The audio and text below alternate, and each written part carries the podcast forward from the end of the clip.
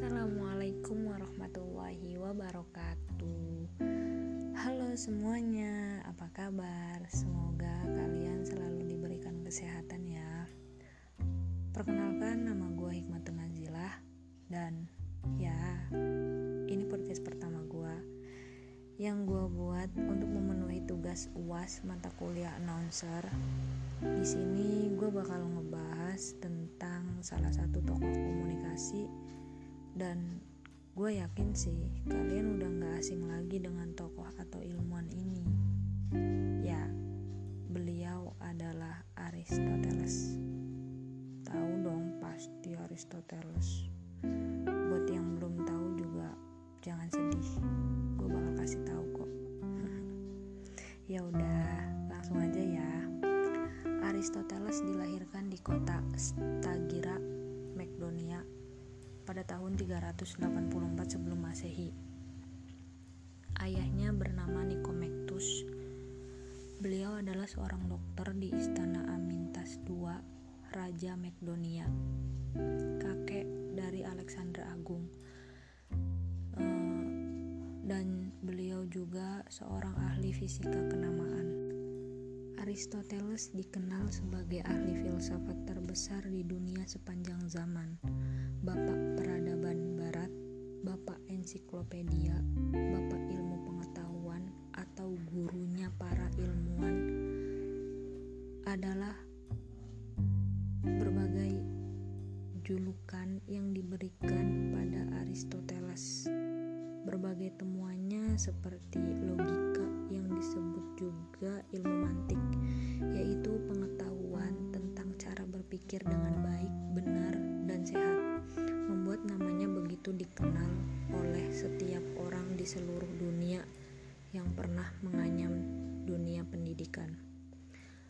Aristoteles juga merupakan orang pertama di dunia yang dapat membuktikan bahwa bumi itu bulat pembuktian yang dilakukannya dengan jalan melihat gerhana.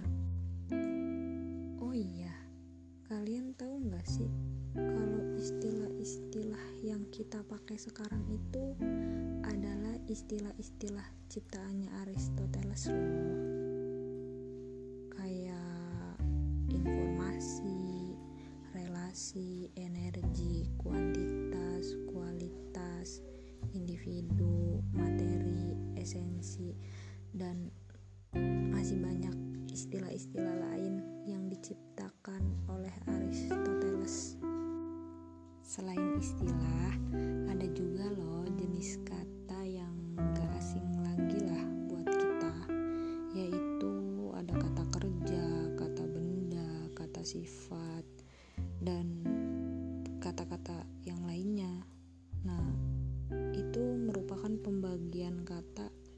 Hasil pemikiran Aristoteles. Dia jugalah yang mengatakan bahwa manusia adalah makhluk sosial. Ketika Aristoteles berusia 15 tahun, ayahnya meninggal dunia. Karenanya ia kemudian diasuh oleh Proxenus.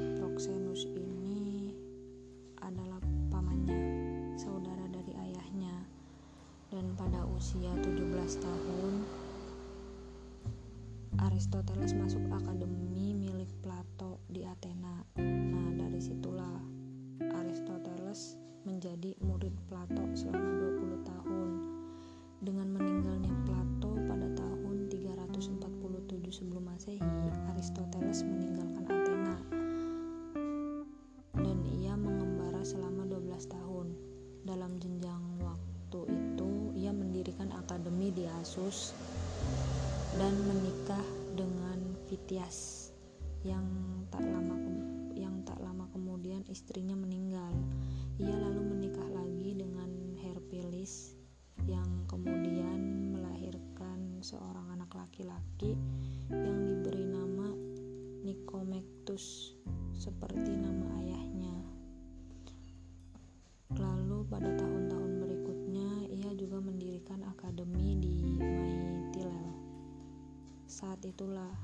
ia sempat jadi guru Alexander Agung selama tiga tahun di Lyceum, Athena pada tahun 355 sebelum Masehi. ia juga mendirikan semacam akademi. Dan di akademi itulah selama 12 tahun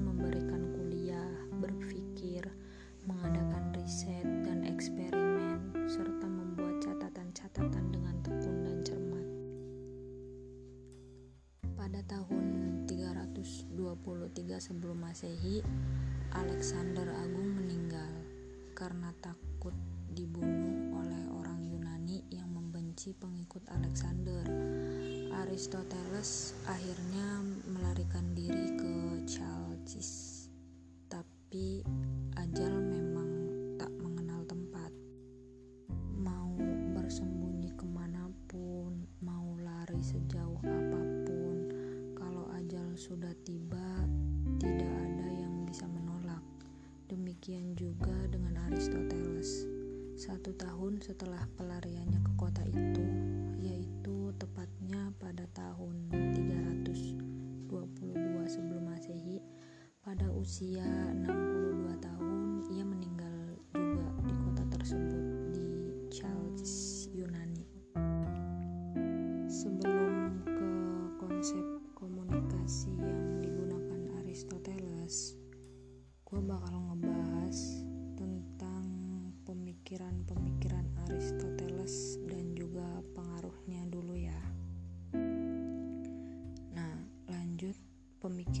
Aristoteles yang pertama itu di bidang ilmu alam. Ia merupakan orang pertama yang mengumpulkan dan mengklasifikasikan spesies-spesies biologi secara sistematis. Karyanya ini menggambarkan kecenderungannya akan analisis kritis dan pencarian terhadap hukum alam dan keseimbangan pada alam.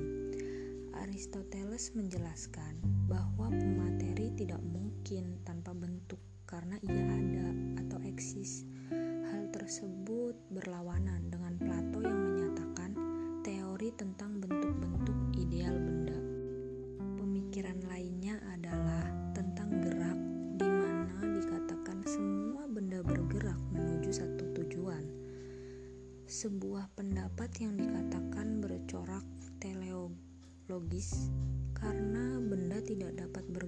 Dengan sendirinya, maka harus ada penggerak di mana penggerak itu harus mempunyai penggerak lainnya hingga tiba pada penggerak pertama yang tak bergerak yang kemudian disebut dengan theos, yaitu yang dalam pengertian bahasa Yunani sekarang dianggap berarti Tuhan.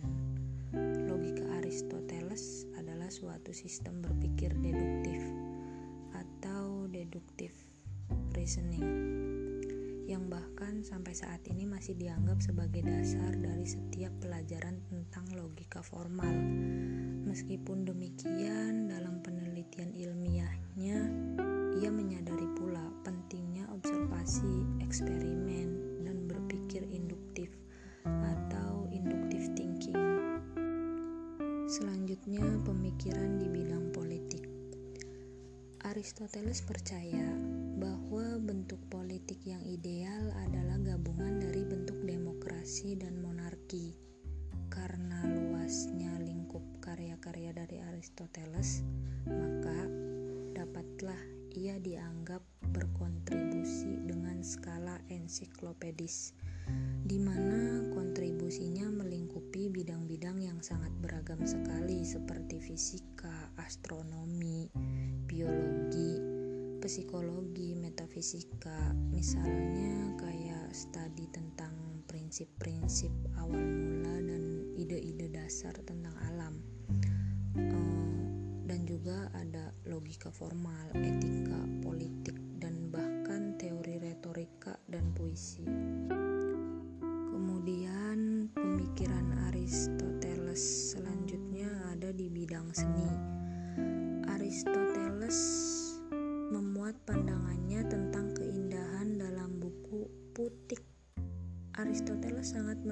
Menekankan empirisme untuk menekankan pengetahuan.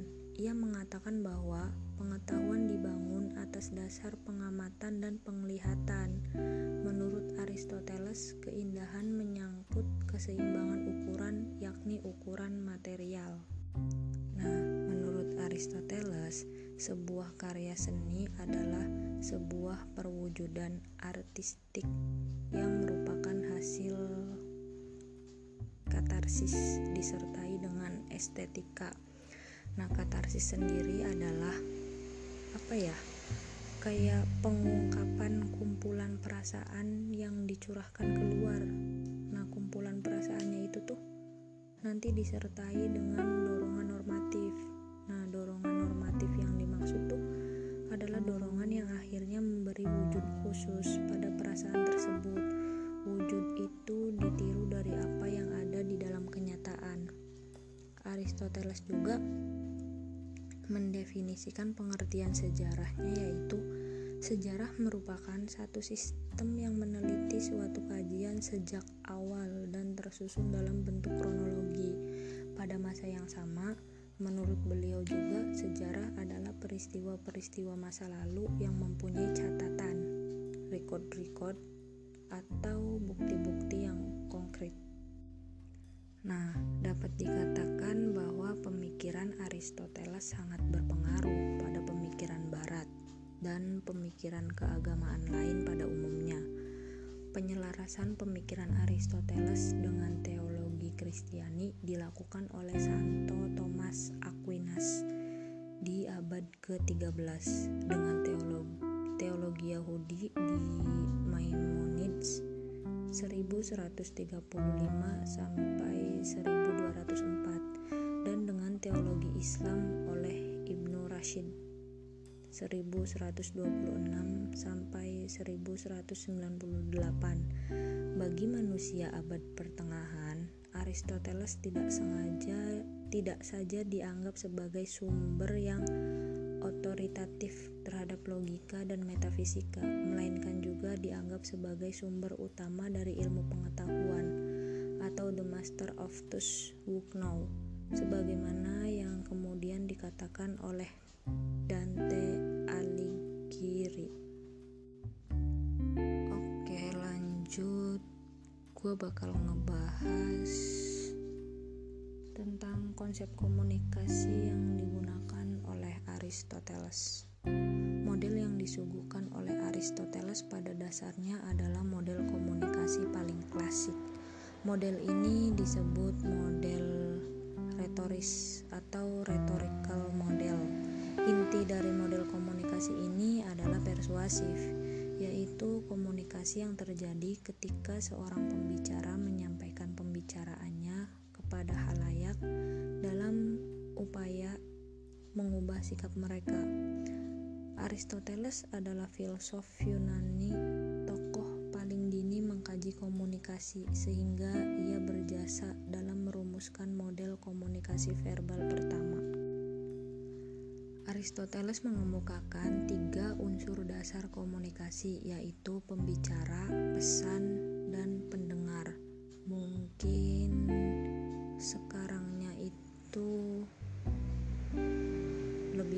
dengan istilah komunikator, pesan, dan juga komunikan. Aristoteles memfokuskan komunikasi pada komunikasi retoris atau yang saat ini dikenal dengan komunikasi publik atau public speaking atau bisa juga pidato gitu. Sebab pada masa itu seni berpidato merupakan suatu keterampilan penting yang digunakan di pengadilan dan juga digunakan di pertemuan-pertemuan masyarakat gitu. Nah, model komunikasi yang dikemukakan oleh Aristoteles memang sederhana. Malah terlalu sederhana sih jika dibandingkan dengan model-model yang diterbitkan oleh toko yang lain karena memuat unsur-unsur lainnya yang dikenal dalam model komunikasi kayak apa ya seperti ada saluran umpan balik atau feedback gitu terus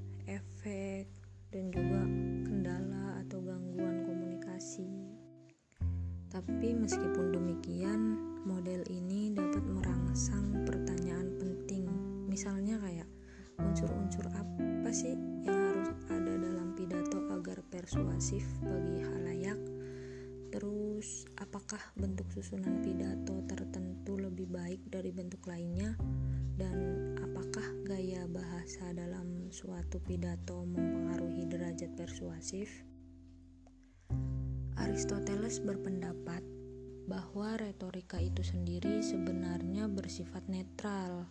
Maksudnya, orator itu sendiri bisa memiliki tujuan yang mulia atau justru hanya menyebarkan omongan yang gombal atau bahkan dusta belaka. Salah satu karya terbesar Aristoteles yaitu retorik. Banyak sih dilihat sebagai studi tentang psikologi halayak yang sangat bagus. Nah, Aristoteles dinilai mampu membawa retorika menjadi sebuah ilmu dengan cara sistematis menyelidiki efek dari pembicara orasi serta audiensnya. Orator sendiri dilihat oleh Aristoteles sebagai orang yang menggunakan pengetahuannya sebagai seni. Jadi, orasi atau retorika adalah seni berorasi. Lalu kemudian Aristoteles menyebutkan tentang klasifikasi tiga kondisi audiens dalam studi retorika. Nah, Klasifikasi yang pertama adalah courtroom speaking, yaitu yang dicontohkan dengan situasi ketika hakim sedang menimbang atau memutuskan tersangka itu bersalah atau tidak bersalah dalam suatu sidang peradilan. Nah, ketika seorang penuntut dan pembelanya itu beradu argumentasi dalam persidangan tersebut, nah maka keduanya telah melakukan judicial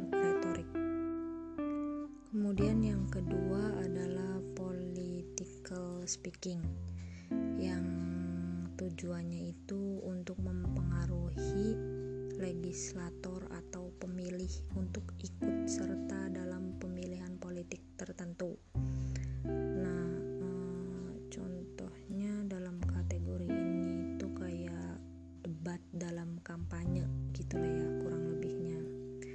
sedangkan yang ketiganya adalah ceremonial speaking dilakukan adalah upaya untuk mendapatkan sanjungan atau apa ya menyalahkan pihak lain guna mendapatkan perhatian dari halayak mungkin ya yang masuk kategori ini itu kayak semacam tablik akbar atau sejenisnya lah ya. Karena muridnya itu terbiasa dengan metode dialektik Socrates, yaitu metode diskusi tanya jawab, one on one discuss. Maka Aristoteles menyebutkan retorika adalah kebalikannya. Jadi, retorika itu adalah diskusi dari satu orang kepada banyak orang. Nah, jika dialektik kan adalah upaya untuk mencari kebenaran, maka retorikanya itu mencoba menunjukkan kebenaran yang telah ditemukan sebelumnya. Dialektik menjawab pertanyaan filosofis yang umum. Retorika retorika hanya fokus pada satu hal saja. Lalu kalau dialektik berurusan dengan kepastian, sedangkan retorika itu berurusan dengan probabilitas atau kemungkinan. Nah, menurutnya retorika adalah seni untuk mengungkapkan suatu kebenaran kepada halayak yang belum yakin sepenuhnya terhadap kebenaran tersebut dengan cara yang paling cocok atau yang paling sesuai. Nah, menurut Aristoteles juga kualitas persuasif dari retorika bergantung kepada tiga aspek pembuktian, yaitu logika atau logos, etika atau etos dan emosional atau patos. Uh, yang pertama itu pembuktian logika ya, logos. Itu berangkat dari argumentasi pembicara atau orator oratornya itu sendiri. Lalu kemudian ada etos, pembuktian etika.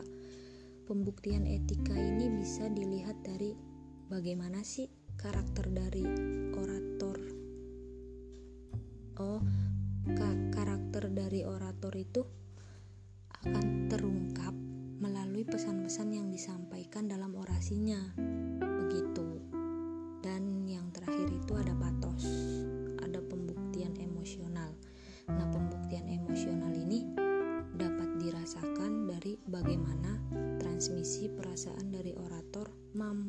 tersampaikan kepada halayak.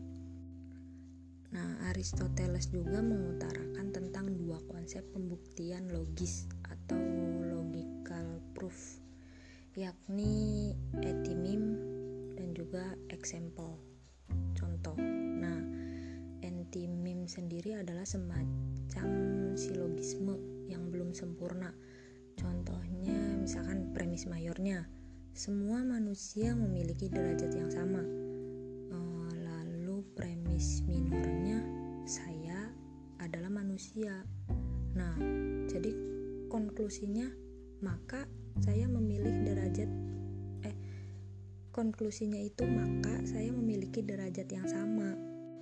Nah, dalam antimim biasanya hanya menggunakan premis yang semua manusia memiliki derajat yang sama dengan manusia yang lain. Lalu saya memiliki derajat yang sama tanpa perlu menggunakan premis saya adalah manusia. Jadi, anti-meme ini digunakan dengan tujuan agar halayak menggunakan kerangka logika tertentu sehingga mereka semacam diberikan ruang untuk menafsirkan premis yang digunakan dalam silogisme yang dimaksud oleh orator tadi. Nah, dengan memberi ruang tadi, pada dasarnya halayak itu akan digiring untuk menggunakan cara berpikir yang sama dengan apa yang dipikirkan oleh si orator. Nah, sejauh orasi yang digunakan dapat masuk ke dalam logika halayak tadi, maka pembuktian logis dari orasi yang dilakukan akan terasa cukup efektif. Tadi kemudian diperkuat dengan example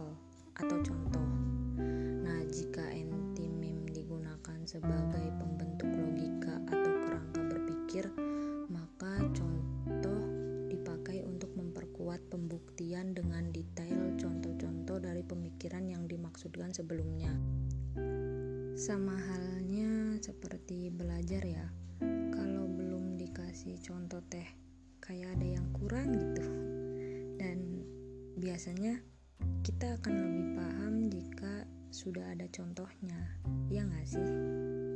Kalau gue sih gitu. Oke lanjut. Pembuktian etis atau ethical proof menurut Aristoteles berpulang kepada kredibilitas dari orator tersebut. Retorika yang baik tidak hanya mengandalkan kata-kata yang baik semata, melainkan juga bahwa oratornya oratornya itu sendiri harus terlihat memiliki kredibilitas. Karena sering kali halayak sudah cukup terpesona kepada seseorang bahkan sebelum orang tersebut berpidato atau berorasi sebelum kata-kata keluar dari mulut orang tersebut. Dalam retorik Aristoteles menyebutkan tentang tiga sumber kredibilitas yang baik yaitu ada karakter, dan juga goodwill. Sumber kredibilitas yang baik yang pertama itu ada intelligence atau kecerdasan lebih kepada persoalan kebijaksanaan dan kemampuan dalam berbagi nilai atau kepercayaan antara orator dengan halayak. Nah, jadi maksudnya itu ya halayak sering kali menilai bahwa orator tersebut cerdas adalah sejauh mana mereka sepakat atau memiliki kesamaan dalam pemikiran, cara berpikir atau juga ide dengan orator tersebut.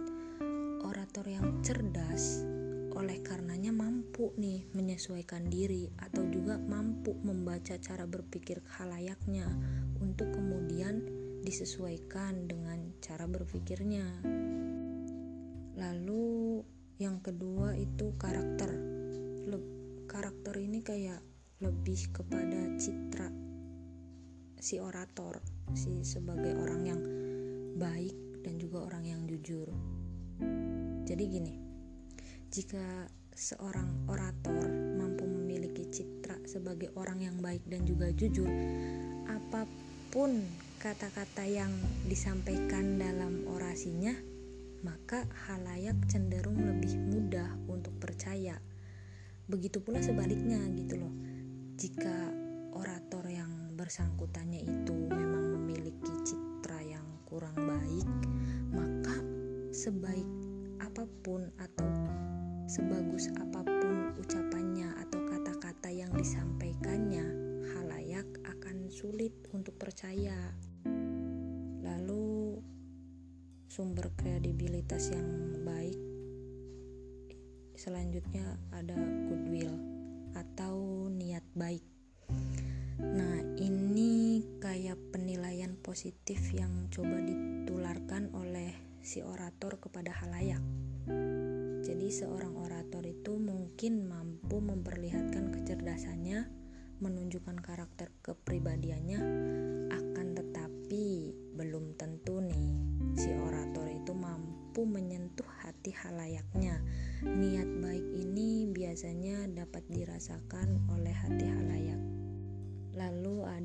pembuktian emosional atau emotional proof. Nah, di sini orator dituntut untuk mampu menyesuaikan suasana emosional yang ingin dicapai dalam sebuah orasi. Orator yang cerdas mampu mengendalikan suasana emosi yang diinginkan, bukan apa yang diinginkan halayak ya, akan tetapi lebih kepada apa sih yang diinginkan oleh orator itu sendiri gitu loh. Dengan mengetahui karakteristik halayak, pemahaman yang mendalam terhadap berbagai macam karakter emosi, diharapkan retorika yang dilakukannya pun dapat berjalan dengan efektif. Nah, walaupun banyak ilmuwan menyatakan bahwa sebenarnya pemikiran Aristoteles tentang retorika itu rumit, mereka kemudian menyederhanakan pemikiran tersebut ke dalam empat konsep tentang bagaimana mengukur kualitas seorang orator yang baik. Keempat hal tersebut yaitu bagaimana menciptakan argumentasi atau invention. Lalu yang kedua menyusun bahan-bahan atau materi argumentasi atau arrangement lalu pemilihan bahasa, dan bagaimana teknik penyampaiannya. Dan untuk menciptakan argumentasi yang baik, orator dituntut untuk memiliki pengetahuan yang luas, kemampuan penalaran dan logika yang baik dalam berbagai macam bentuk pembicaraan, penguasaan terhadap berbagai macam topik, isu, informasi, data, dan sejenisnya dapat dijadikan sebagai memori yang setiap saat mampu dibentuk menjadi argumentasi ketika orasi dilakukan. Semakin banyak memori yang dimiliki, maka akan semakin mudah untuk menciptakan argumen yang baik. Aristoteles juga mengingatkan tentang pentingnya menyusun atau pentahapan argumentasi itu sendiri. Menurutnya, pada Komunikasi baiknya adalah sebagai upaya untuk menarik perhatian dari halayak, menjaga kredibilitas, dan kemudian memperjelas maksud atau tujuan dari pembicaraan atau orasi itu sendiri. Yang terakhir adalah konklusi, yang sebaiknya adalah mengupayakan bagaimana halayak akan mengingat apa-apa sih yang telah kita katakan positif tentang diri kita dan ide-ide yang telah kita sampaikan kepada mereka. Para pengkritik terhadap teori retorika Aristoteles ini mengatakan bahwa kesalahan terbesar di sini adalah audiens atau halayak dianggap pasif. Orator menurut Aristoteles dianggap akan selalu mampu menyampaikan apa-apa yang dimaksudkannya kepada halayak sejauh mereka mengikuti anjuran-anjuran Aristoteles tersebut. Ada faktor yang penting yang terlupa oleh Aristoteles yaitu situasi. Padahal faktor ini adalah salah satu aspek penting yang perlu diperhatikan dalam praktek retorika itu sendiri. Nah, di luar itu semua, teori retorika ini memang banyak dinilai memadai jika dilihat sebagai landasan dalam studi dan praktek retorika. Tentunya seiring seiring masa perlu dilakukan berbagai macam penyesuaian dan semacamnya. Akan tetapi yang terpenting dari itu semua bahwa retorika atau komunikasi sam sama umum pada dasarnya adalah seni, sehingga tidak akan mampu untuk terbakukan dalam bentuk-bentuk aturan apa pun. Seringnya semuanya ber, berpulang kepada manusia itu sendiri. Komunikasi Aristoteles ini sebenarnya dapat dijumpai di mana saja dan kapan saja ya. Kayak seperti kayak beberapa contoh ini nih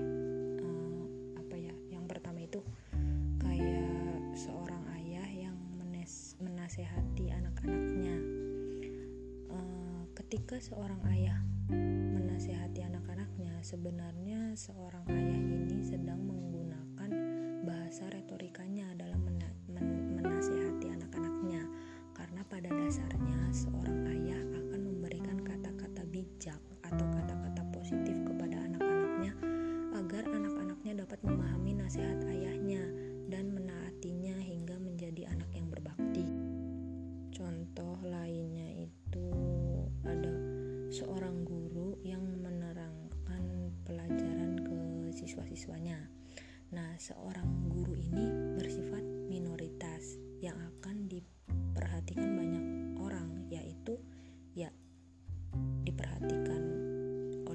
siswa-siswanya. Nah, sifat minoritas inilah yang membuatnya menjadi pusat perhatian oleh siswa-siswanya. Nah, sifat minoritas ini ini dalam hal jumlahnya ya. Sedangkan untuk bicaranya bersifat cenderung mayoritas atau lebih banyak berbicara daripada yang lainnya. Dan contoh yang lebih simpelnya gini, seorang ketua OSIS yang memimpin rapat OSIS kan memiliki sifat pemimpin yang baik nih sehingga ia juga dapat dihormati hingga anggota-anggotanya mau mendengarkan apa yang dibicarakan sang ketua OSIS tersebut. Salah satu kelemahan model komunikasi yang digunakan Aristoteles ini adalah bahwa komunikasi dianggap sebagai fenomena statis. Seorang berbicara, pesannya berjalan pada halayak dan halayak mendengarkan tahap-tahap peristiwa ini berurutan alih-alih terjadi secara simultan atau bersamaan. Nah, selain itu juga model ini tidak dibahasnya aspek-aspek nonverbal dalam persuasif. Nah, pada dasarnya komunikasi yang diberikan oleh Aristoteles telah mengilhami para pakar komunikasi lainnya untuk merangsang model-model komunikasi yang lebih baru,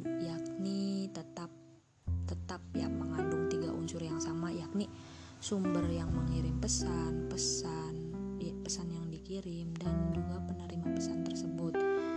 Contohnya itu di Indonesia ketika tim sukses dari pasangan capres dan cawapres pada saat mengkampanyekan calon calonnya serta visi dan misinya sebagai pemimpin kepada rakyat. Nah, semua itu merupakan bentuk retorika dalam dunia politik. Nah, jadi itulah sekilas informasi mengenai model komunikasi yang dirumuskan oleh Aristoteles sehingga dapat dikatakan rumusan model komunikasi dia itu sebagai model komunikasi Aristoteles. Jadi kesimpulannya bahwa model komunikasi Aristoteles ini merupakan model komunikasi yang paling mendasar di antara model komunikasi lainnya. Guys, mungkin segini dulu podcast perdana gua. Gue cuma bisa menyampaikan beberapa kehebatan beliau. Sebenarnya sih masih banyak banget karya-karya beliau, penemuan-penemuan beliau dan teori-teori yang beliau buat. Cuman ya gak mungkin lah ya gue jelasin semuanya di sini. Jadi ya buat masih kepo bisa cari aja di Mbah Google. Nah, di sana tuh udah lengkap banget informasi mengenai Aristoteles. Dan gue juga mau ngucapin terima kasih banyak buat semuanya yang telah mendengar dan telah menyimak. Semoga podcast gue ini bisa bermanfaat. Akhir kata, gue Hikmatun Najila pamit. Sampai ketemu di podcast gue selanjutnya. Wassalamualaikum warahmatullahi wabarakatuh.